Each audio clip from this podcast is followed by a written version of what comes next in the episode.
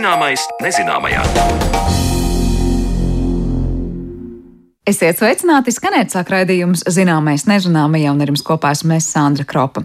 Šodien raidījumā mēs pievēršamies dabai krietni senā pagātnē, un ja nesen raidījumā iepazīstinājām jūs ar sēnēm aizvēsturē, tostarp ielūkojāmies tādos zemes vēstures posmos, kuros sēnes bija teju vairāku metru augstumā, tad šodien mūsu ceļojumu laikā turpināsim ar zivīm. Organismu, kas apdzīvojuši šo planētu krietni pirms cilvēka. Kā tās ir mainījušās laika gaitā un kādas zivis bija sastopamas Latvijas teritorijā? Teritorijā pirms Baltijas jūras un tās agrīnajos periodos, par to tad šodien runāsim raidījumā. Pirms tam gan parunāsim par zivīm cilvēku uzturā senatnē. Sami garumā bijuši vairāk kā 2 metri un svēruši ap 200 kg. Izklausās pēc pārdabiskiem makšķernieku stāstiem, bet šis fakts ir pierādīts, kad runa ir par vidējā akmens laikmeta zivīm tagadējā Latvijas teritorijā. Tolaik zivis bijušas viegli pieejamas un izplatītas te dzīvojošo cilvēku pārtikā, un vairāk par senajām zivīm uzturā un to ķeršanas rīkiem klausieties Zanes Lācis Baltāksnes veidotajā sižetā. Līdakas, plauži, sāmi, zandarti, sapali, Tās bija zivis, kas dominēja ēdienkartē pirms desmit tūkstošiem, pirms astoņiem tūkstošiem gadu, to cilvēku uzturā, kas dzīvoja pie Burtnieku un Lubānas ezera un tagadējā Vēnspils un Tukuma novadā. Tas ir dabiski un saprotami, ka zivis bija vienas no pamatuzturu sastāvdaļām, jo tolaik cilvēki iekārtoja apmetnes upju un ezeru tūmā. Ūdens tilpes bija bagātas ar zivīm, un zivis bija vieglāk noķert nekā, piemēram, nomedīt alni vai meža cūku. Tā runājot par sendienu uzturu, skaidro Latvijas Universitātes Latvijas Vēstures institūta vadošā pētniece, antropoloģe Gunita Zariņa. Par to liecina atradumi akmens laikmeta apmetēs, par to liecina zivju skriemeļa atradumi, zivju skeleti. Tiešām var redzēt, ka zivis bijušas, kā makšķernieku stāstos, ievērojama lieluma, garuma, un sami ir bijuši pat 2,5 metrus gari un varējuši svert ap 200 kg. Kāpēc mēs par to varam runāt? Tāpēc, ka par to liecina skriemeļu diametrs, cik viņi ir apaļi, cik viņi ir resni, plati. Šie diametri tie mums rāda, cik masīvas bija šīs zivis.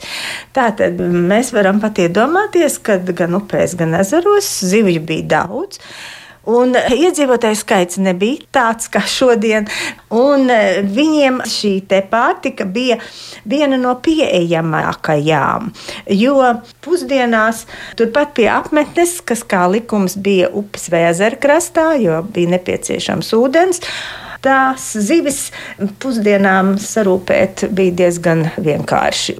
Pētot arheoloģiskajos izrakumos uzietos cilvēku kaulus, ir konstatēts, ka arī bērni, tad, kad tika atšķirti no mātes krūts, ir diezgan daudz baroti ar zivīm. Vēl ir interesanti paskatīties ar šīm pašām ķīmisko izotopu metodēm, ar ko mēs pēdējos gados varam ļoti detalizēti skatīties, kāds bija bērnu uzturs senatnē. Un tad mēs redzam, ka šajā akmens laikmetā bērnu uzturs pēc tam, kad tiek beigta barošana ar krūti, pārēj uz pieaugušo uzturu, tad arī šeit mēs redzam zivis.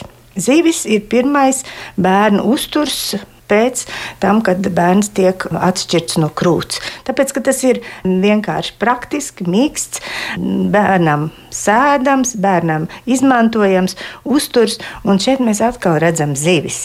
Un arī nākamajos periodos, bronzas laikmetā, teiksim, ap 2000 līdz 1000 gadu pirms Kristus, arī šeit tāpatās mums ir pilskalnos Ļoti daudz zivju atlieku, pilguns, kur vietām ir veselām kārtām šo zivju zviņu, zivju skeletu, kuras liecina, ka zivis vienmēr Latvijā ir arī dzelzs laikmatā viens no mūsu uzturu pamatiem.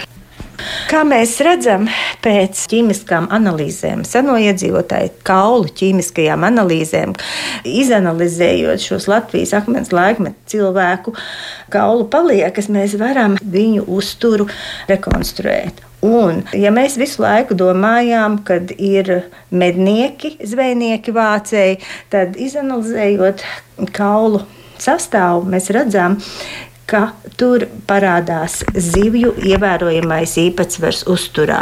Mēs redzam, ka mezolītā, jeb vidējā akmens laikmetā Latvijā zivis sastāda 40 līdz 30% no kopējā uztura, 60% apmēram sastāda augu produkti, un tikai 10% aptuveni mums atliek gaļai. Gaļa nav ikdienas uzturs. Grūti ir pateikt, kā tieši akmens laikmeta cilvēki ir gatavojuši zivis. Droši vien vienkāršākais veids bijis tās cept ugunskurā. Taču, izpētot senās keramikas lauskas, arī tajās ir atrastas zivju paliekas, kas liecina, ka zivis ir gatavotas arī traukos, teica Gunita Zariņa. Savukārt, runājot par paņēmieniem zivju ķeršanā, arheoloģiskajos atradumos ir bagātīgs klāsts ar harpūnām, āķiem, murdiem un žebērkļiem. Piemēram, Sārnate bija pirmā neolīta apmetne Latvijā, kurā atrada lielāku skaitu koka priekšmetu - vienkoča laivas fragmentu, airus, lokus, šķēpus, tīklu pludiņus no priežu mizas, zušu duršanas ierīces un skalu murdus. Tā apjomīgajā izdevumā Latvijas arheoloģijas rokas grāmata raksta Latvijas Universitātes, Latvijas Vēstures institūta vadošā pētniece, arheoloģe Ilga Zagorska. Viņu arī aicināju uz sarunu par senajiem zvejas rīkiem. Mums ir diezgan daudz materiālu no apmetnēm, no kaplauka un arī tādi savu rūpu atradumi saucamie, kas ir ezeru krastos, upju krastos pazaudēti senatnē. Un pēc tā jau mēs tādu iespaidu varam iegūt. Mums, piemēram, par video akmens laikmetu zvejnieku otrā apmetne pie Burtnieka ezera, par nākošo posmu jaunāko akmens laikmetu un brīnišķīgu apmetni Sānate jūras krastā rietumkrastā, kur ir purvs un tāda pārpurvojusies slāņa, un tur ir labi saglabājušies kokarīki. Un tam mums ir lielais Lubānas ezers, kas akmens laikmetā galvaspilsēta bija ļoti intensīvi apdzīvot, un tur ir ļoti daudz savarūpu atradumu. Lielu, lielu daļu tieši šie rīki ir saistāmi arī ar zvejniecību. Kādi tad tolaik izskatījās? Kas tie bija par rīku? Nu, galvenokārt ir saglabājušies kaula rīki, lai gan tādas pašas formas atsevišķās vietās, kur ir saglabāts bijušas arī no koka veidots.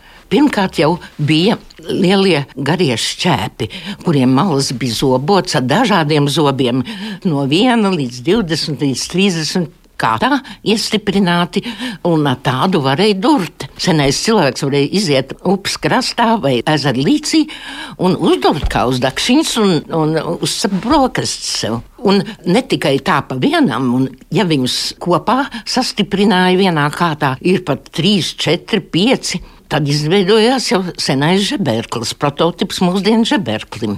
Protams, arī ar loku šāva tādas adatveida būtnes, kas ļoti labi šķēla ūdeni un trāpīja zivīm. Un visvairāk jau ir saglabājušies mums visos ezeru krastos, gan Ludzas, gan Lubāna, arī pie Butnieka makšķerāķi senie. Un tur var izsekot formu attīstībai. Pirmais makšķerāķis bija vienkārši abos galos nosmailināts kaula īrbulītis un vidū piestiprina viņu un tādu ķēra zivis. Bet kur piestiprinājāt? No, bija tā kā augi visādi, un auklis, ja viņi taisīja, tur tā nebija problēma. Vai arī bija tāds kaut kas līdzīgs tā kā mūsdienu makšķerei, kāds auglis? Es jums pateikšu, ka neko jaunu jau mūsdienu cilvēki šai nozarē nav izgudrojuši. Visi šie prototipi mūsdienu makšķerēm un citiem rīkiem visiem bija jau akmens laikmetā. Sākot ar šiem šķēpiem, bultām, makšķerāķiem, āķi no vienkārši tāda irbulīša, tad viņi ar loku un atkārpi, un tad viņi vēlāk bija salikti no divām daļām salikti. Un es jums pateikšu, ka gadu tūkstošu gaitā tie principi jau nav mainījušies. Visi šie rīki ir izdzīvojuši līdz pat mūsu dienām. Bet tas viss jau ir radies akmens laikmetā. Un nerunāsim jau par tīkliem. Tīkli jau pazīstam jau no vidēja akmens laikmeta sākuma. Ļoti, ļoti sen Somijas jūras līdz krastā Somijā ir atrasti tīkli paliek. No kā tos tīklus toreiz gatavoja? No dažādām koksnes šķiedrām plašāk viņas sāk pielietot vēlāk. Un it īpaši jaunākā akmens laikmetā un bronzas laikmetā, to mēs redzam apmetnēs, kad ir pilnīgi zivju slāņi palikuši pie pavārdiem, kuri ugunskurti un cilvēki sēdējuši pilnīgi biezi zivju zvīņu slāņi. Tas arī, piemēram, arī pat bronzas laikmetā ķivut kalnā šādi zivju slāņi un neolitā jaunākā akmens laikmetā Lubānas apmetnēs, Aboras apmetnē, piemēram, un ne tikai šie tīkli ir palikuši koka tādas plāksnītes kopā lielā tādā kaudzē, kas iespējams ir murdu paliekas. Un tādas ir vairākās apmetnēs. Tādas ir Sārnetē, Rietum Latvijā, tādas ir Siliņupē, Lapmešciem apmetnē paliekas. Un tad vēl nerunāsim pat par to, ka upes krastā gan Lietuvā, gan pie mums ir izpētīts no pāļiem veidotas tādas aizsardzības sistēmas, ap kurām izspina tādus režģus, nu, kā sēdes spina. Un tad viņi ievilināja tur zivis un ķēra līdz krastā veselas sistēmas šādas ir akmens laikmetā izveidots. Tas viss bija ļoti augstā līmenī. Un eh, runājot par tiem atradumiem, ir arī zivju figūriņas kaulā grieztas apmetnēs atrasts. Un ne tikai izgriezt, samērā viegli bija izgriezt to zivu un to astīt, bet dažas no viņām ir ornamentētas. Un, piemēram, dažas ir ar tādu krustisku ornamentu. Domājams, ka to viņi tā simboliski attēloja, ka tas ir tīkls. Un varbūt iedarboties to zivu, lai viņi nāk tajā tīklā. Tur jau bija sava simbolika un sava rituāla klāta arī. Tā kā daudz, daudz ziņu ir par zveju akmens laikmetā. Tāpat par zvejas rīku daudzveidību liecina plūdiņi, kas tika gatavoti no satītas bērza tās vai priežu mīzas, teica Ilga Zagorska. Priežu mizas pludiņi dažādās formās griezti. Siliņu apmetnē bija ļoti daudz šādu pludiņu tolaik pieejamākais bija. Un priežmiza viegli viņi turējās. Jā, tā kā plašs klāsts. Un tad par maniem materiāliem runājot, es saprotu, tad bija kauls. Akmens, koks. koks jā, krāms bija, bet nu, krāms vairāk bija bultas un šķēp tur vairāk kā medībām saisties. Lai gan ir arī salikto makšķera āķu daļas no krāma izgrabtas arī. Ko nozīmē saliktie maršķerāji? Bija tas stiebrs, stumbrs, āķa un slīpi nošķeltu galu, un tam pielikts asāks smailis klātas āķis. Viņi sastiprināti kopā, bija lūkiem, un pēc tam vēl mālu apkārt, lai stingrāk turētu šādi samērā lieli. Āķi bija līdz pat līdz 90 centimetri bija lieli un bija arī ļoti mazi. Interesants ir fakts, ka gan vidējā, gan vēlajā akmens laikmetā ar zivju ķeršanu nodarbojās gan vīrieši, gan sievietes. Par to liecina apbedījumos atrastie makšķerāķi, kas bija ievietoti kapā līdzās sievietēm. Dzirdējām stāstu par zivīm cilvēku uzturā vēsturē, bet par zivīm vēl pirms cilvēka mēs parunāsim raidījuma turpinājumā.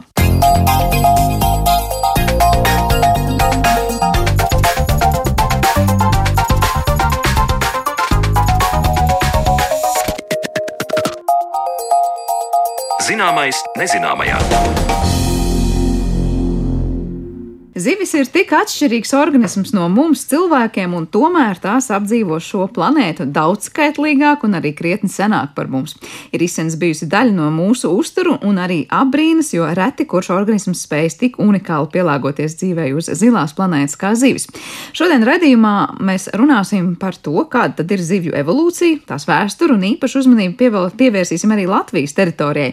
Tieši tāpēc es sveicu studijā ihtiologu un zinātniskā institūta biorjūras nodaļas vadītāju vadītāju Ivaru Putni. Sveicināti! Sveiki! Kā arī paleontologu un Latvijas Universitātes Geogrāfijas un Zemes zinātņu fakultātes pamatiežu katedras vadītāju Ervīnu Lukševiču. Labdien! Labdien! Ervīna, es sākšu ar jums. Kurā laikā mēs vispār varam runāt, ka šīs zemes parādās zivis? Un mēs saprotam, mēs esam ar jums arī un jūsu kolēģiem ik pa laikam tikušies šajā studijā un runājuši par seniem laikiem šīs planētas vēsturē, un nevelti ik pa laikam tiek teikts tāds vārdu salikums kā zivju laikmets. Nu, tad kurš šīs planētas vēsturē ir bijis tas zivju laikmets? Nu, līdz pat neseniem laikiem dominēja viedoklis, ka tas ir devons. Un bija pat uh, pirms vairākiem gadiem izdota grāmatiņa, profesors Kurš uh, sarakstījis uh, Devonā zivju laikmetā. Nu, Devons ir periods, tomēr nav laikmets, bet, lai atbildētu konkrēti uz šo jautājumu, jāvienojas, kas ir zivis. Nu, piemēram, nēģis. Vai ir zivs vai nav? Tirgoto uh, centrāla tirgus zivju paviljonā tā kā būtu zivs, bet patiesībā tas tā nav. Un tad jārunā, kurai grupai atbilst zivis. Tie ir hordaiņi dzīvnieki, kuriem horda. Starp tiem ir arī tāda, kas nemaz nelīdzinās zivīm, citi līdzinās. Nu, nēģis ir līdzīgs zivīm, bet tomēr nav. Tālāk starp hordaņiem ir mugurkalnieki. Nu, par hordaiņu, senāko hordaini, uzskata Ķīnas agrajā Kembrijā dzīvojošo laiks apmēram pirms 530 miljoniem gadu. Mm, ļoti sen. Uh, bija daži organismi, kas varētu būt attiecīgi arī mūsu tālieseņši, kas to lai zina. Tad mugurkaulnieki, tie dzīvnieki, kuriem izveidojās horda, vēl sākotnēji pat bez žokļiem. Mūsdienās nu, labs piemērs varētu būt tāds kā lancetniekiem līdzīgi, bet tomēr lancetnieks nav mugurkaulnieks. Un senākie mugurkaulnieki atkal tajā pašā Ķīnā, nedaudz jaunākos, apmēram 520 miljonu gadu vecos nogulumos, haikovistis. Bet tas, kā tie mugurkaulnieki izskatās, ir kaut kas, nu, vismaz attālināti līdzīgs tam, kā mēs iedomātos nu, mūsdienu zivi, piemēram, kaut kādu tur to. Kopīgais laikam varētu būt zivveidīgs ķermenis un eh, nepāras puras. Un tas arī viss. Nu, horda arī ir bijusi, bet mugurkaula vēl nebija.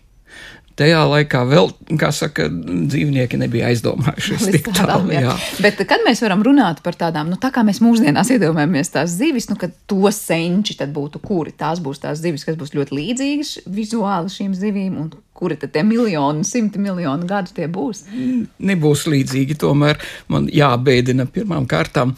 Uh, ģenētiskie pētījumi ir tā, tā saucamie DNS pulksteņi. Ja? Um, tie norāda, ka senākajiem žokļiem vajadzētu būt radušamies apmēram Ordovika beigās. Uh, nu, tas ir aptuveni pirms 450 miljoniem gadu. Tātad jau krietni pēc Haiko ihtis, bet fosīlijās mēs labi jā, atrodam atsevišķas vīņas. Ir piemēram tādas uh, um, haizivīm laikam līdzīgi dzīvnieki, spriežot pēc zvīņām. Tikai atsevišķas zvīņas, kuras saskatāmas tikai mikroskopā. Uh, mana skolotāja Valentīna Talimā, viņa vadīja manu disertāciju, bija atradusi pirmo reizi uh, Mongolijā no Ordovika beigu nogulumiem 450 miljoni gadu. Un jaunākie mongolipīdi ir izdzīvojuši līdz pat Devona sākumam, 410 miljoni gadu. Bet nav zināms, kā viņi te izskatījās. Ir tikai zvīņas zināmas.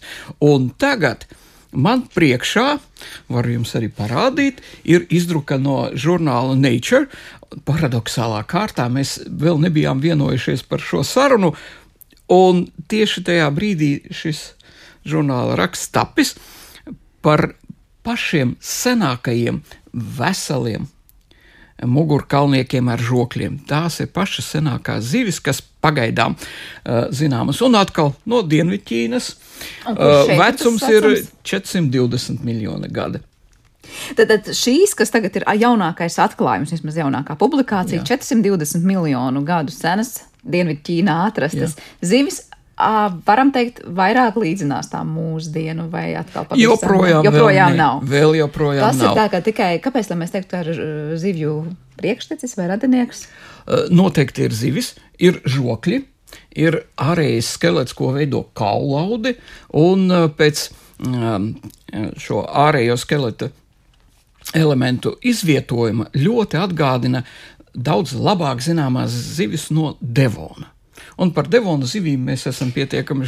Tās pietiekami ir tās bruņu zivis, saucamās. Jā? Tās ir bruņu zivis, bet šajā rakstā ir uh, apgalvots, ka atrada vismaz desmit dažādu zivju atliekas, bet pagaidām deva nosaukumu tikai divām uh, - bruņuzivs. Ksjašanostevs. Nu, kā jau vienmēr ķīniešu nosaukumi tādi ar grūtībām izrunājami. Un otra ir skrimšļu zivs, ļoti, ļoti tāls mūsdienu haizivju sensis. Es šobrīd gribētu Ivaram prasīt, vai mēs varam teikt, tikko piesauktās krimšu zivs un haizivu sēnes, ka no haizivim mēs redzētu tās senākās mūsdienu esošās zivis, proti tās nu, evolūcijas tālākās lapus. Ja mēs skatītos no tā, kas peld šobrīd okeānos un jūrās, tad haizivs būtu tās top. Nu, haizivis ir jā, no mūsdienās dzīvojušām sugām. Mēs varam teikt, ka tās ir tādas senākas zivis, jo mūsdienās ir gan skrimšu zivis, gan kaulzivis. Un kaulzivis ir tās modernās zivis, kas ir evolucionējušas vēlāk, un haizivis ir līdz ar to nu, arī tāda primitīvāki dzīvnieki. Līdz ar to jā, tas ir tāds, tāds, tāds zināms posms evolūcijas ceļā. Un vēsturiski ir bijis arī periods, kad šīs skrimžzivis ir bijušas ļoti dominantas teiksim, pasaules okeānos. Un, un mūsdienās atkal nu, kauzivīm ir šis uzvaras gājiens. Līdz ar to laika iet, un arī šīs visas īpašības mainās. Pavisam īsi, es neiesim dziļumā ihtioloģijas kursā, bet skrimšu zivs galvenā pazīme. Tad nu, skaidrs, ka tas skelets ir citādāks. Skrimšu skelets, jā. jā. Tad tas nozīmē, ka tas ir tāds, nu, fleksiblāks vai, nezinu, piemēroties spējīgāks, netik stabils. Kur ir tās skrimšu zivju un kaulu zivju lielākās atšķirības? Nu, kaulu zivīm tā tad ir šis pārkaulojies skelets, un, un, un kaulu skelets ir izturīgāks, un kaulu zivīm, ja mēs, teiksim, tā salīdzinām, ir vieglāka ķermeņa uzbūve. Jā, viņš ir izturīgs un ar vieglāku ķermeņa uzbūvi spēj balstīt šo dzīvnieku ar nosacījumu, ja viņš atrodas ūdens vidē. Ja? Bet nu, skrimžzivis ir tādas varbūt tās nu, rupjāk tēstas, masīvākas zivis, parasti ar teiksim, tādu nu, masīvāku šo iekšējo skrimšu skeletu, kas ir smagnējāks. Tad nevelti aizjūtas labs uzskats materiāls tam.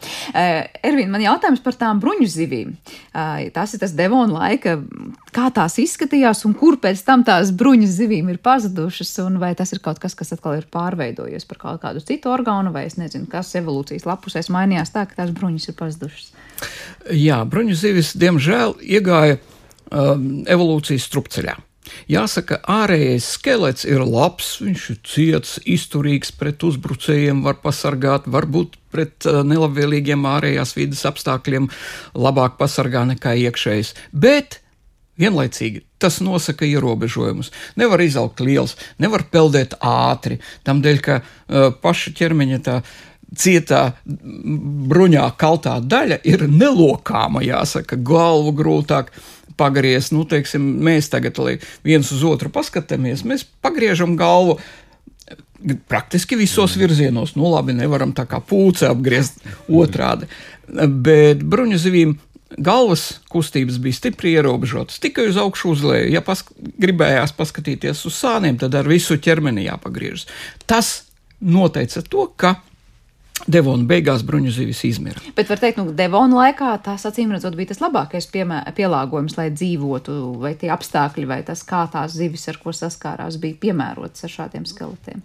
Jā, acīm redzot, kādu laiku ar šādu, šādiem pielāgojumiem varēja izdzīvot. Eh, te vēl jāpiezīmē, ka, ja mēs eh, analizējam tagad, ka, kuras ir senākās un kuras jaunākās, tad kolēģiem noteikti ir man jāpiekrīt, jo senākās skrimšas zivju, domājams skrimšas zivju atliekas kā nekā no Ordovika, nekas tam līdzīgs pagaidām nav atrasts, ne runājot par kalzivīm, ne par bruņuzivīm. Bet interesanti, arī šajā rakstā par to ir stāstīts, ka pirmās bruņuzivis praktiski pēc ārējā skeleta uzbūves nekā nav atšķirams no mūsdienu kalzivju senču skeleta. Tātad bruņuzivis un kalzivis atdalījās, domājams, vai nu pašā Ordovika beigās, vai Silūra sākumā. Un savā starpā šīs divas grupas, bruņuzivis un kalzivis, ir ļoti līdzīgas, jo abām ir kaulu skelets. Tikai atšķirība tā, ka uh, Kalzivis gāja divus ceļus. Viena saglabāja uzticami, uzticību ārējiem skeletam, un tās ir daivspurzivis. Tās pārstāv mūsdienās pārstāv tikai dažas sugas, dažas ģintes. Tās ir plaušzivis, kas zaudēja ārējo skeletu, tādu kādu mēs pazīstam Devonā, ja, no lielām, biezām, masīvām zvīņām, un celakanti. Celakantiem joprojām daļēji tas ārējais skelets, kas e, no ļoti, ļoti liela skaita atsevišķu skeletu elementu sastāv, bet redz, izdzīvoja. Uh, savukārt runājot par bruņu zivīm, nu jā, tas, ka tie palika uzticīgi. Ārējām bruņām, jā, tas neatmaksājās. neatmaksājās. Ir varbūt kas piebilstams par to, kādas pārmaiņas ir notikušas dažādos, nezinu, zivju izskata orgānu daļās vai kā citādāk. Protams, kur mēs varam teikt, lūk, evolūcijas gaitā kaut kas pārtapa par kaut ko, es nezinu, par zviņām, žaunām vai kaut ko citu turnās, vai kaut kādu konkrētu skeletu uzbūvi. Jā, nu tad droši vien jārunā par mugurkaulnieku attīstību kā tādu, un, un, un teiksim, nu, mēs varam salīdzināt arī, nu, ka zivis arī mūsu senči ir bijuši. Un, teiksim, šie te arī, arī agrīnie attīstības elementi, kas parādījās, nu viens ir tur, teiksim, tāds nozīmīgs sasniegums evolūcijas procesā, ir šī galvas kausa izveide, kas pasargāja šo te, eh, smadzeņu centru, kā nervu sistēmu. Tad mēs, protams, varam minēt, kas vispār mugurkaulnieku attīstības procesā ir tāds pats pats nozīmīgākais, ļoti daudz kur tiek uzsvērts, ir tieši šī žokļa aparāta izveide. Jo šī žokļa uzreiz ļāva baroties ar dažādiem organismiem, pavēra ļoti plašas šīs ekoloģiskās nišas un arī daudzām zivīm palīdzēja aizsargāt sevi. Jā. Nu, līdz ar to tā, tie ir tādi varbūt lieli galvenie elementi, ko var minēt. Nu, tad jau, protams, tālāk jau attīstījās visas šīs skeleta modifikācijas, visas šīs maņu sistēmas zivīm, kas ir ļoti avansētas mūsdienās. Bet, nu, es teiktu, jā, galvas kausas un žokļu aparātu uzbūve. Tas ir teiksim, tādi lielie evolūcionārie sasniegumi, jā, kas lomu. nospēlē lomu, kas, kas, kas tiešām pavēr ļoti plašas iespējas tālākai attīstībai. Kas mums ir zināms par šo kaut vai maņu sistēmu? Nu, tā ir diezgan jutīga zivīm, ja viss šīs sānu līnijas vai kā citādāk. Kas mums ir zināms, kurā evolūcijas lapusē vispār kas tāds parādās, un vai var teikt, ar laiku šie organismi kļūst arvien sarežģītāki savas uzbūves ziņā? Sānu līnijas pazīmes jau ir uz atsevišķām zvīņām, un attiecīgi tad jau Ordovikā ir šī seismosensorā sistēma, kas ļauj rēģēt uz um, ūdens spiediena izmaiņām un dot signālu par gultni, par citiem organismiem, kas tuvumā vai uzbrucēji vai barības objekti. Uh, un uh, šajā rakstā, kas veltīts jaunākiem veselo organismu atradumiem no Ķīnas, arī ir raksturota šī sānu sistēma. Uh, acis bija ļoti maziņas, jāatzīmē starp citu, ka abas sugas, kas aprakstītas tagad, nesen izdotajā rakstā, ļoti maziņas, ļoti maziņas, pārsteidzošā kārtā, apmēram līdz 4 cm tikai ļoti maziņas. Bet Devonā, tad, kad bruņu zivis visā savā krāšņumā uzplauka, bija pat tādas, kas nu, kādus astoņus metrus sasniedza lielumā. Bet, ja runājam par haizivīm, tad man neļauj sameloties. Mezozojā bija arī tādas, kas sasniedza metrus 20. Nu, kalzivīm tas nebija pa spēkam, gan uh, lielākās līdz ihtis laikam no krīta nogulumiem ap 10 metru garumā. Mm. Kā ir šīs, var teikt, zivis kļuvušas mazākas, kaut vai skatoties uz šīm senajām haizivīm, ir bijis tāds nu, lielo, milzīgo zivju periods, un ar ko tas skaidrojums? Jā, jā, noteikti mēs to varam teikt. Viņas ir kļuvušas mazākas, un arī šajā mazajā ķermenī, nu, tāpat kā mūsdienu autobūve, arī mazā mašīnā var iekšā ielikt ļoti modernas tehnoloģijas. Līdz ar to es teiktu arī, ka mūsdienās mazā zīltiņā, teiksim, šīs te, nu, sensorā sistēma, viss tas, kā organisms strādā, var būt ļoti avansēts. Nu, kā vienu piemēru var minēt, teiksim, karpveidīgo kārtas zivis. Jā. Nepietiek jau ar to, ka viņām ir otolīti galvā, tiksim, tāda vestibulārā kauliņi, aparāta, ja kauliņi, jā, jā, jā, kas viņām palīdz saglabāt līdzsvaru vidē, orientēties, uzņemt kaut kādas vibrācijas. Karpveidīgām zivīm, droši vien klausītāji ir ievērojuši, ir peldpūslis izteikts. Liels peldpūslis, kas īstenībā tā kā tāda bungu virsma darbojās. Un izrādās, uz šo peldpūšļa virsmu ir iespējams uztvert dažādas arī ūdens vidē radītās svārstības. Un, teiksim, karpveidīgām zivīm ir tāds vēbera aparāts, saucamais. Tas ir tāds mazs krimslīšu kopums, kas novada šo vibrāciju no peldpūšļa uz otolītiem, uz iekšējo ausi. Līdz ar to šī maņu sistēma jau ir krietni avansētāka un darbojās teiksim, sa savstarpēji saistītā veidā starp dažādiem šiem orga organismu komponentiem.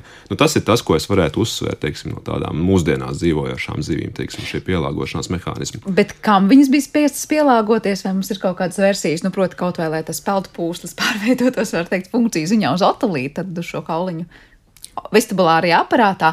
Uh, Kam bija jānotiek apkārtējā vidē, lai zivis tā evolūcionētu? Nu, kādam vienmēr bija jāvēlās viņas apēst. nu, tas ir tas galvenais eh, virzītājs spēks, teiksim, izvairīties nu, un izdzīvot un turpināt savu dzimtu. Ervīnam mm, varbūt kāds, nezinu, skats no miljonu gan senās mm, pagātnes un varbūt mēroga. Kādi procesi ir bijuši tie, kas likuši zivīm pielāgoties dažādos laikos? Oi, ļoti dažādi, jo šādu piemēru ir neskaitāms. Jāsaka, nu, runāsim mm, par notikumiem agrējā Devonā. Agrējā devonā skābekļa saturs atmosfērā un likumsakarīgi līdz ar to arī ūdenī sāk samazināties. Eh, kādi iemesli? Nu, visdrīzāk tie ir kosmiskie, kaut kādi, kas aptver visu planētu, bet kaut kā jāpielāgojas, ko darīt. Tā kā ūdenī mm, skābekļa spiediens pavisam maziņš kļuva, eh, elpot ir grūti. Līdz ar to vairākas zivis. Ha, nevar teikt, iedomājās, bet katrā ziņā izveidojās adaptācijas šādai situācijai, un šis peltpūslis kas kartveidīgajiem tagad tiek izmantots tā ļoti asprātīgi, bet sākotnēji jau lielākoties tas varētu būt, lai nu, noturētu ķermeni ūdens apjomā. Šo pārveidoja par plaušām, un zivis, kaulzivis, apguva elpošanu atmosfēras gaisu agrā devona beigās, un tas lieti noderēja to pēcnācējiem. Jo redz, Dažas zivis, plaušu zivis, joprojām izmanto plaušus. Celakantiem nav vajadzības, tiem tas reducējās, bet celakantu nepastarpinātie kolēģi un draugi no Daivspurzīvu uh, grupas, ko mēs devējam par tetrapodu veidīgajām, izmantojot šo pielāgojumu, spēja vēl tālāk attīstīties, dzīvojot sakulūdens apstākļos, nu, šķirstot ar priekšējām un pakaļējām ekstremitātēm augāju, lai varētu piekļūt kaut kādām noteiktām vietām, piemēram, pludmaiņu teritorijā, tādām lāmām, kur citas zivis, no kurām tagad varētu pārtikt, tāpēc ka tām zivīm nav kur dēties, aizmukt bēguma laikā. Tā izcēlās mūsu senču četrakājainie. Tas ir viens piemērs. No otras puses, gigantisms bija raksturīgs eh, tām zivīm, kas mita karbonā, un vēl arī mezozojā, jūrā un krītā, un tam savukārt pa iemeslu ir bijis šī samērā labvēlīgi apstākļi, liels skābekļa saturs atmosfērā. Tiek uzskatīts, ka karbonā var būt pat 33% skābekļa daudzums. Nu, tas ir diezgan daudz salīdzinot ar mūsdienām. Tas ļāva attīstīt arī lielus izmērus, nu, un līdzīga situācija bija arī Mezozojā. Bet vēlākos laikos, atskaitot eocēnu pirms apmēram 50 miljoniem gadu, kad bija ļoti silts un arī skābekļa pietiekami liels daudzums, jo sauzeme bija klāta ar mežiem gandrīz viscaur, no Grenlandes līdz Falklendu salām un pat Antarktīdā. Meži Nav brīnums, ka arī eocēnā lielas zivis, bet mūsdienās, nu jā, samazinājās kaulzivis lielākas par kādiem četriem metriem vairs nav. Nu, no haizivīm, laikam mēs abi eh, norādītu uz vaļa haizivi. Ja? Tā ir plankto, planktofāks, tāds apmēram ap 1,10 m. Nu, 12 metrus var, var sasniegt, jā, nu mūsdienās lielākā dzīvojošā. Bet tas vienmēr ir tas piemērs, kas izbrīna, ka tik milzīgs dzīvnieks patiesībā ir planktoni, ja vismazākos jūrā esošos organismus. Un liekas, kā lielie jā. izmēri var sevi tā pabarot. Es domāju, vai tajos laikos, kad bija šis gigantisms, arī tad bija svarīgi apēst maksimāli citu lielu organismu, vai tur ēda daudz, daudz, daudz sīkus organismus. Proti, nu, tā enerģijas bilance tur izlīdzinājās tiem milzīgiem organismiem. Nu, zivis eh, diezgan agri jau vidusdevonā apguva ļoti daudz dažādas ekoloģiskās nišas, un uh, runājot par piemēriem no Latvijas, tad uh, Burtnieku svītas nogulumos apmēram varētu būt 390, 392 miljoni gadu, kopš tie veidojās. Ir gan pavisam nelielas bruņu zivis, burtiski es varētu paņemt veselu bruņu zivi plaukstā, un arī milži līdz 6, 7 metru lielumā, un, un šie milži ir planktofāgi. Jau tajā arī laikā, tad, ja? arī tad pārtika no planktona, bet ir arī nu, normāli plēsēji, tā ja drīkst izteikties, apmēram divu metru garumā. Ja, tad nu, plēsējs tomēr plēš, bet diez vai viņš planktofāgu plēsa, bet tās sīkās bruņu zivis noteikti tam garšoja. Tivar, kā izskaidrot, ka šie milzīgie organismi arī tad ir spējuši baroties ar tik ļoti sīkiem citiem organismiem? Nu, acīm redzot, tajā barības ķēdē nu, tie sīkie organismi ir bijuši pietiekami daudz. Un, nu, no šī enerģētiskās bilances viedokļa, nu, tā ir milzīga enerģija, ko viņi sevi ietver. Un, teiksim, nu, tas ir tāds varbūt tās unikāls gadījums, ka teiksim, tāds lielāks organisms var ēst mazos organismus no krietni zemākiem barības ķēdes līmeņiem. Un, ja viņi ir pietiekami daudz, viņš to enerģiju uzņem sevī un spēj augt. Un, un tas ir, teiksim, nu, arī mūsdienās, ja mēs salīdzinām arktiskos ūdeņus, kur it kā barības ķēde ir ļoti nabadzīga, bet tajā pašā laikā tur ir, teiksim, šie mazie vēžveidīgi organismi krili, kas ir pamatu pamats visai milzīgai arktiskai ekosistēmai, kur visi vaļveidīgie var baroties, un teiksim, šī enerģijas pārnese ir ļoti efektīva. Teiksim, varbūt apējot vairākus starposmus tajā barībā. Protams, tai vaļhaizivī būtu, tad, ja tā nevarētu baroties no sīkiem organismiem, nemitīgi jāmeklē savēdienas, proti jātērē enerģija, lai varbūt kādu notvert, ar kuru tāpat nepietiks. Tad labāk ir ēst nu, daudz un maz, kas ir pieejams. Vaļhaizivs varbūt nav pat tas labākais piemērs lieliem organismiem, kas barojas ar planktonu, jo vaļhaizivs gadi gadījumā ar planktonu bieži vien uztver arī teiksim, teiks, nu, 20, 30 cm garas zivis, kas baro spēlēt, ko viņas var. Nu, ietrelēt savā mutē, bet, teiksim, nu, ir gigantiskā haizivs, kas ir tipisks planktonēdājs, kurai ir žaunu bārkstis, un tas ir tāds labs piemērs arī dzīvnieks, kas izaug līdz pat 10 metru garumam un ir otra lielākā mūsdienās dzīvojošā zivju suga. Ivar, vai tev skatoties no tām mūsdienu esošajām sugām vairāk, tad mūsdienās koncentrējot savu uzmanību, ir kādi interesantākie piemēri, kur tu varētu teikt, lūk, šeit ir mums zivs, caur kuras evolūciju mēs patiesībā varam izlasīt ļoti interesants lapus. Jā, līdzīgi kā Ervīnas publikācija atneses arī vienu interesantu stāstu. Es esmu atnesis no Baltijas jūras, jo it kā no vienas puses jau šķiet tā Baltijas jūra, nu, tāda, kādu mēs viņu pazīstam, šobrīd ir nu, diezgan jauna. Nu, tie, tie ir 8000 gadi teiksim, šajā pēdējā Baltijas jūras stadijā. Un tas ir ļoti īss laika nogrieznis šajā evolūcijas procesā. Jā. Ja mēs salīdzinām līdzīgu iesāļūdens sistēmu Kaspijas jūru, jā, kur, kur nu, miljoniem gadu tā evolūcija ir notikusi un tie organismi ir pielāgojušies dzīves vidē, liekas, kas tad Baltijas jūrā tāds īpašs? Bet Baltijas jūrā ir viens īpašs stāsts, kas tika publicēts 2018. gadā pateicoties itāļu pētniekiem, tika konstatēta pirmā endēmiskā zivju suga Baltijas jūrā, un tā bija Baltijas jūras plekste. Mēs jau pirms tam ihtiologi zinājām, ka Baltijas jūrā ir divu veidu plekstes. Vienas ir tādas, kas nārsto ūdens atvērtajā slānī, tā saucamajā peleģiskajā slānī, un citas plekstas bija tādas, kas nārsto uz grunts piekrastes ūdeņos. Un, teiksim, nu, divas tādas zivju ekoloģiskas grupas. Nu, tad lūk, šie itāļu pētnieki parāda ar ģenētiskām metodēm, ka tās patiesībā ir divas pilnīgi dažādas sugas. Un ņemot vērā šo Baltijas jūras neseno vēsturi, šos te, nu, tūkstošos gadu mērāmos laiku, ja, nu, tas ir ļoti, ļoti teiksim, īss evolucionārs periods, kura laikā šī suga ir attīstījusies. To arī viņi uzsvēra savā rakstā, ka tas ir aptuveni starp diviem un trim tūkstošiem paudžu mērāms ilgums, kas mugurkaulnieku vidē ir kaut kas ļoti unikāls. Pasaulē nekur nekas tik ātri nav novērots. Līdz ar to nu, it kā tāda maza vienkārša sistēma, bet tajā pašā laikā arī nu, savu veidu pārsteigumus nes. Tad var teikt, lielākais pārsteigums ir tajā, ka tik ātri vispār šī suga izveidojās. Jā, jā, jā, ka viņi tik ātri izveidojās. Tas ir sācis notikt aptuveni pirms kādiem septiņiem tūkstošiem gadu. Un, nu, līdz mūsdienām tas ir, tas ir izveidojies. Ir kādas versijas, kāpēc Baltijas jūra bija tādi apstākļi, kas lika tik ļoti ātri evolucionēt sugai? Nu, tāpēc, ka tas jau arī mūsdienās mēs to redzam. Tā Baltijas jūra it kā ir maza, bet tajā pašā laikā viņa ļoti dažādi ir. Mums šis gan skābekļi, gan sāļuma gradients, ja mēs skatāmies no ziemeļu uz dienvidu rajoniem, šī vide ir ļoti mainīga. Un faktiski visi tie dzīvnieki, jūras dzīvnieki, kas spēj tur izdzīvot, nu, viņi ir tādi riktīgie pielāgošanās meistari. Un, un, un tas visticamāk ir nu, veids, kā suga ir adaptējusies un izmantojis teiksim, kaut kādu brīvāku nišu. Es domāju, nākamais kandidāts ir reņģi, jo reņģiem arī ir divas dažādas šīs ekoloģiskās rases, ir pavasarī un rudenī nāstošas reņģis. Pavisam iespējams, ka nu, nākamajos gados mēs kaut ko arī no reņģu pasaules dzirdēsim jaunu.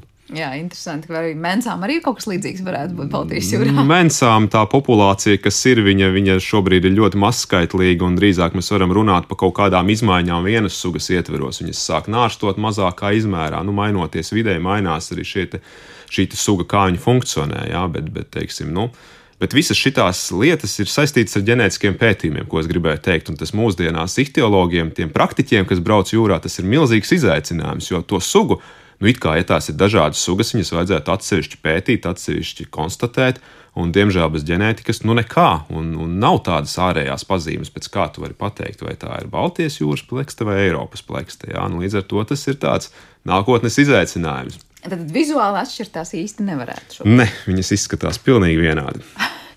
Bet Vai mēs skatoties uz šī brīža, vai Baltijas jūras zemūdens pasauli, vai mūsu iekšējiem ūdeņiem, kuras saukt par tām nu, senākajām un īpašākajām, vai varbūt ilgdzīvojošākajām sugām nu, šeit? Nu, Baltijas jūras um, kontekstā tie droši vien ir tie saucamie glaciālie relikti, kas ir mūsdienās sastopamas tādas zivju sugas kā lucītis, uh, zaļzivs, četragu buļzivs. Nu, tās ir sugas, kas ir Baltijas jūru apdzīvojušas jau pēc ledus laikmeta beigām ja, un saglabājušās līdz mūsdienām. Uh, Nu, protams, arī varam minēt nēģus, bet nu, te jau kolēģis izskanēja, jā, tas ir arī tāds ilgs strīds. Ir, ir, ir, ir, ir biologi, kas uzskata, ka nēģi ir zivis, un ir cilvēki, kas uzskata, ka tas nav. Nu, tas, tas, protams, nu, tas ir jāņem vērā arī visādi veidi šajos vēsturiskajos pētījumos. Nu, ir ļoti daudz, teiksim, tās neskaidrās puses. Un, un Kur nēģa gadījumā, tas ir tas apaļmutnieks? Jā.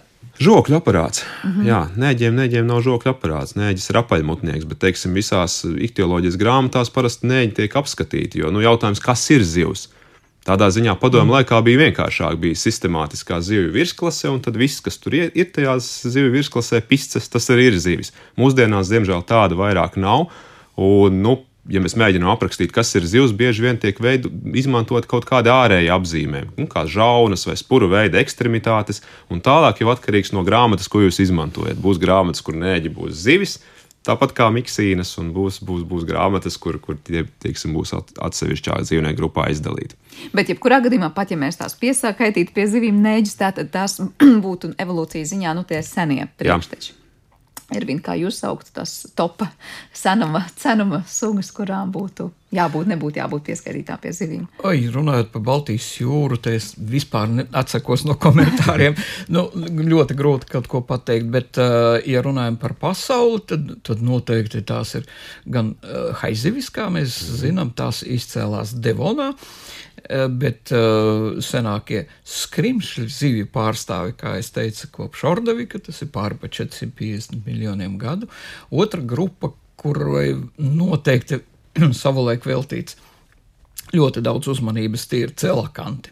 Uh, kādreiz uzskatīja par dzīviem izrakteņiem. Nu, apzīmējums varbūt nav tas pats. Kā te izskatās, pats, kas tas ir? Jā, celakants mūsdienās nu, līdz divi metri liela zivs. Uh, dzīvo Indijas okeānā. Pirmoreiz pie Komoru salām atrada, un tad viena studente ar savu draugu atklāja otru sugu Indonēzijas tirgu. Nevis ūdeņos, bet tirgu. Jau tirgu. Jā, un tad divas šādas plēsīgo zivju sugas, kas klātas ar ļoti lielām, biezām zvīņām. Uh, sakarā ar to, ka celakanti uh, pārvietojās dzīvot dziļajā okeānā, tad ļoti daudzas pazīmes, kas raksturo sākotnējās uh, daivspurzīves, izzuda. Nu, aiz nevajadzības. Bet Devonā uh, celakantu radinieki ir dzīvojuši seklos ūdeņos un uh, samērā lielā skaitā varētu būt bijuši. Starp citu, viens no pasaulē pašiem senākajiem celakantiem ir atrasts Latvijā. Mm. Lodes māla karjerā. Miguašai Grosī mēs to par, uh, par godu Valteram Grossam, slavenajam paleoihtiologam nosaucām. Tā kā interesanti atradumi arī arī šajās teritorijās. Bet es gribēju vēl noslēgumā jautāt, jūs šeit piesaucāt, ka šie strīdus objekti, nu tad ir žoklis, nav žoklis, un tajā pašā laikā mēs vienmēr sakām, nu zivs, tas ir zviņas, tur ir žaunas, tur ir spūras. Vai laiks, kad parādās žaunas, spūras un zviņas, ir arī tas pavisam senais, un mēs noteikti varam teikt, lūk, žaunas ir attīstījušās jau kopš tiem laikiem, zvīņas tajā pašā laikā, vai tas ir kaut kādi jaunāki izmaiņas zivju organismos, kas pēc tam kaut kad nu, tur parādījušās salīdzinoši senu, jaunos evolūcijas posmos? Oi, žaunas! Pašas par sevi nesaglabājas lielākoties, bet skeleta elementi, kas nes žaunas, un apkārtējie audi var saglabāties. Un domājams, ka Haikovihtis, tas jau manis minētais organisms no e, Ķīnas Kembrija, jau bija ar pazīmēm, ka tam bija žaunas. Ļoti, ļoti sena struktūra. Zviņas kārtām? Ordoviks. Krietni vēlāk, tad, salīdzinot ar Haikovihtis 450. Senākās zvīņas ir apmēram 450 miljonu gadu vecas no Ordovika. Nu, Spūras jau bija pat, pat vēl agrāk par haikoistis, uh, jo spūras, strikti runājot, nav raksturīgas tikai zivīm. Arī dažiem citiem organismiem, spūras? konodontiem, uh, kurus tagad mūsdienās neuzskata vairs par mugurkalniekiem, tad ir saržokļiņi, arī nu, tie ir tipiskie bezmugurkalnieki. Bet savukārt mums vistuvākie pēc uzbūves organismi, kas mīt jo, joprojām jūrās, un tie ir adatādeņi, ir pilnīgi bez kādām spurām. Bet ar daudzām citām kopīgām pazīmēm. Trīs slāņu ķermenis, embrijiem arī trīs slāņi, āda klāja visu ķermeni, tikai skelets pilnīgi cits pēc sastāvā. Nu, jā, un tas, ko varbūt mēs neminējām, ka tie paši pirmotnējie zivju senči, nu, mēs runājam par tādām mīkstas struktūras dzīvniekiem. Un tā ir tā lielākā problēma, ka šīs fosilijas slikti saglabājas, un tur ir tās interpretācijas. Ir tā horda, ir tā notohorda, ir tas mugurkauls, nav. Nu, tad, tad, tad kā to visu interpretēt? Jā, tas pats tiem, kas... par tiem konodontiem, jā, kas, kas, kas kādu laiku atpakaļ tika uzskatīts, ka tomēr ir mugurkaulnieki. Tur redz, kā jā. jā. Un savukārt tie, kas nebija ar tām mīkstajām struktūrām, ir ar bruņām, kas paši izmirst, ja, un par kuriem mēs noteikti nevaram teikt, lūk, šeit šodien ir šis tāds mhm. pēctecis, ja, tā kā ļoti interesanti. Bet, Ivar, vai vēl noslēdzot sarunu, visas šīs spuras un astes, es iedomājos, tā ir tāda kā tiešām nu, stūris sistēma arī zivī, ir intereses izpētes objekts šobrīd ihtiologiem, kas skatās, kāpēc tās spuras ir tādas, vai tā asta ir tāda, vai tur viss ir skaidrs un nekas pārsteidzošs. Nu, viss varbūt līdz galam nav skaidrs, jo, jo tā zivju pasaule, kā jūs minējāt, ir tik ļoti daudzveidīga. Un, protams, nu, katrai spurai ir sava nozīme, un mēs vienmēr varam pēc spurām daudz ko izsacināt. Vai zivs ir ātrs peldētājs vai lēns peldētājs. Pat par viņas barošanās ekoloģiju ļoti daudz var atbildēt. Jā. Bet, bet teiksim, nu Es teiktu, jā, visticamāk, tas ir izpētes objekts. Tāpat kā arī peldpūslis, jā, kas vairāk nav tikai nu, kaut kāda balsta funkcija, vai, vai kas peld, peldspēju nodrošina ar peldpūslis dzīves, teiksim, savā starpā sazinās, kas ir vesels pētījuma lauks. Viņas izdod skaņas, izrādās kontrahējot peldpūsli. Jā, tas ir kaut kas tāds, ko kādreiz neviens nezināja. Līdz ar to es domāju, ka arī pa spurām mēs vai vēl kaut ko jaunu uzzināsim. Ko Kāpēc tās ir tādas, kādas jā, tās ir jā. katrai no zivīm, jo droši vien pēc tām līdzīgi kā tikko minējāt, tad, tad var redzēt, ar ko barojušās ir zivis, jā, tad līdz ar to kādos apstākļos dzīvojušas un ko tad varēja vai nevarēja ēst. Liels jums abiem paldies par šo sarunu jautājumu. Protams, ka ir daudz, jo tā lapus, kur mēģinājām atšķirt, ir gana plaša un tāla. Senatnē, ja mēs ielūkojamies, atgādināšu, kā paleontologs un Latvijas Universitātes geogrāfijas un zemezinātņu fakultātes pamatiežu katedras vadītājs Ervins Jānis Lukševičs un arī Zinātniskā institūta bior jūras nodaļas vadītājs ihtiologs Ivars Putnis ar mums bija kopā šajā raidījuma pusstundā. Ar to arī raidījums ir izskanējis un paldies par to producentē Paulai Gulbinskai, mūzikas redaktoram Girtam Bišam, skaņu režijā bija Kristīna Delle un studijā es Sandra Kropa. Uz tikšanos!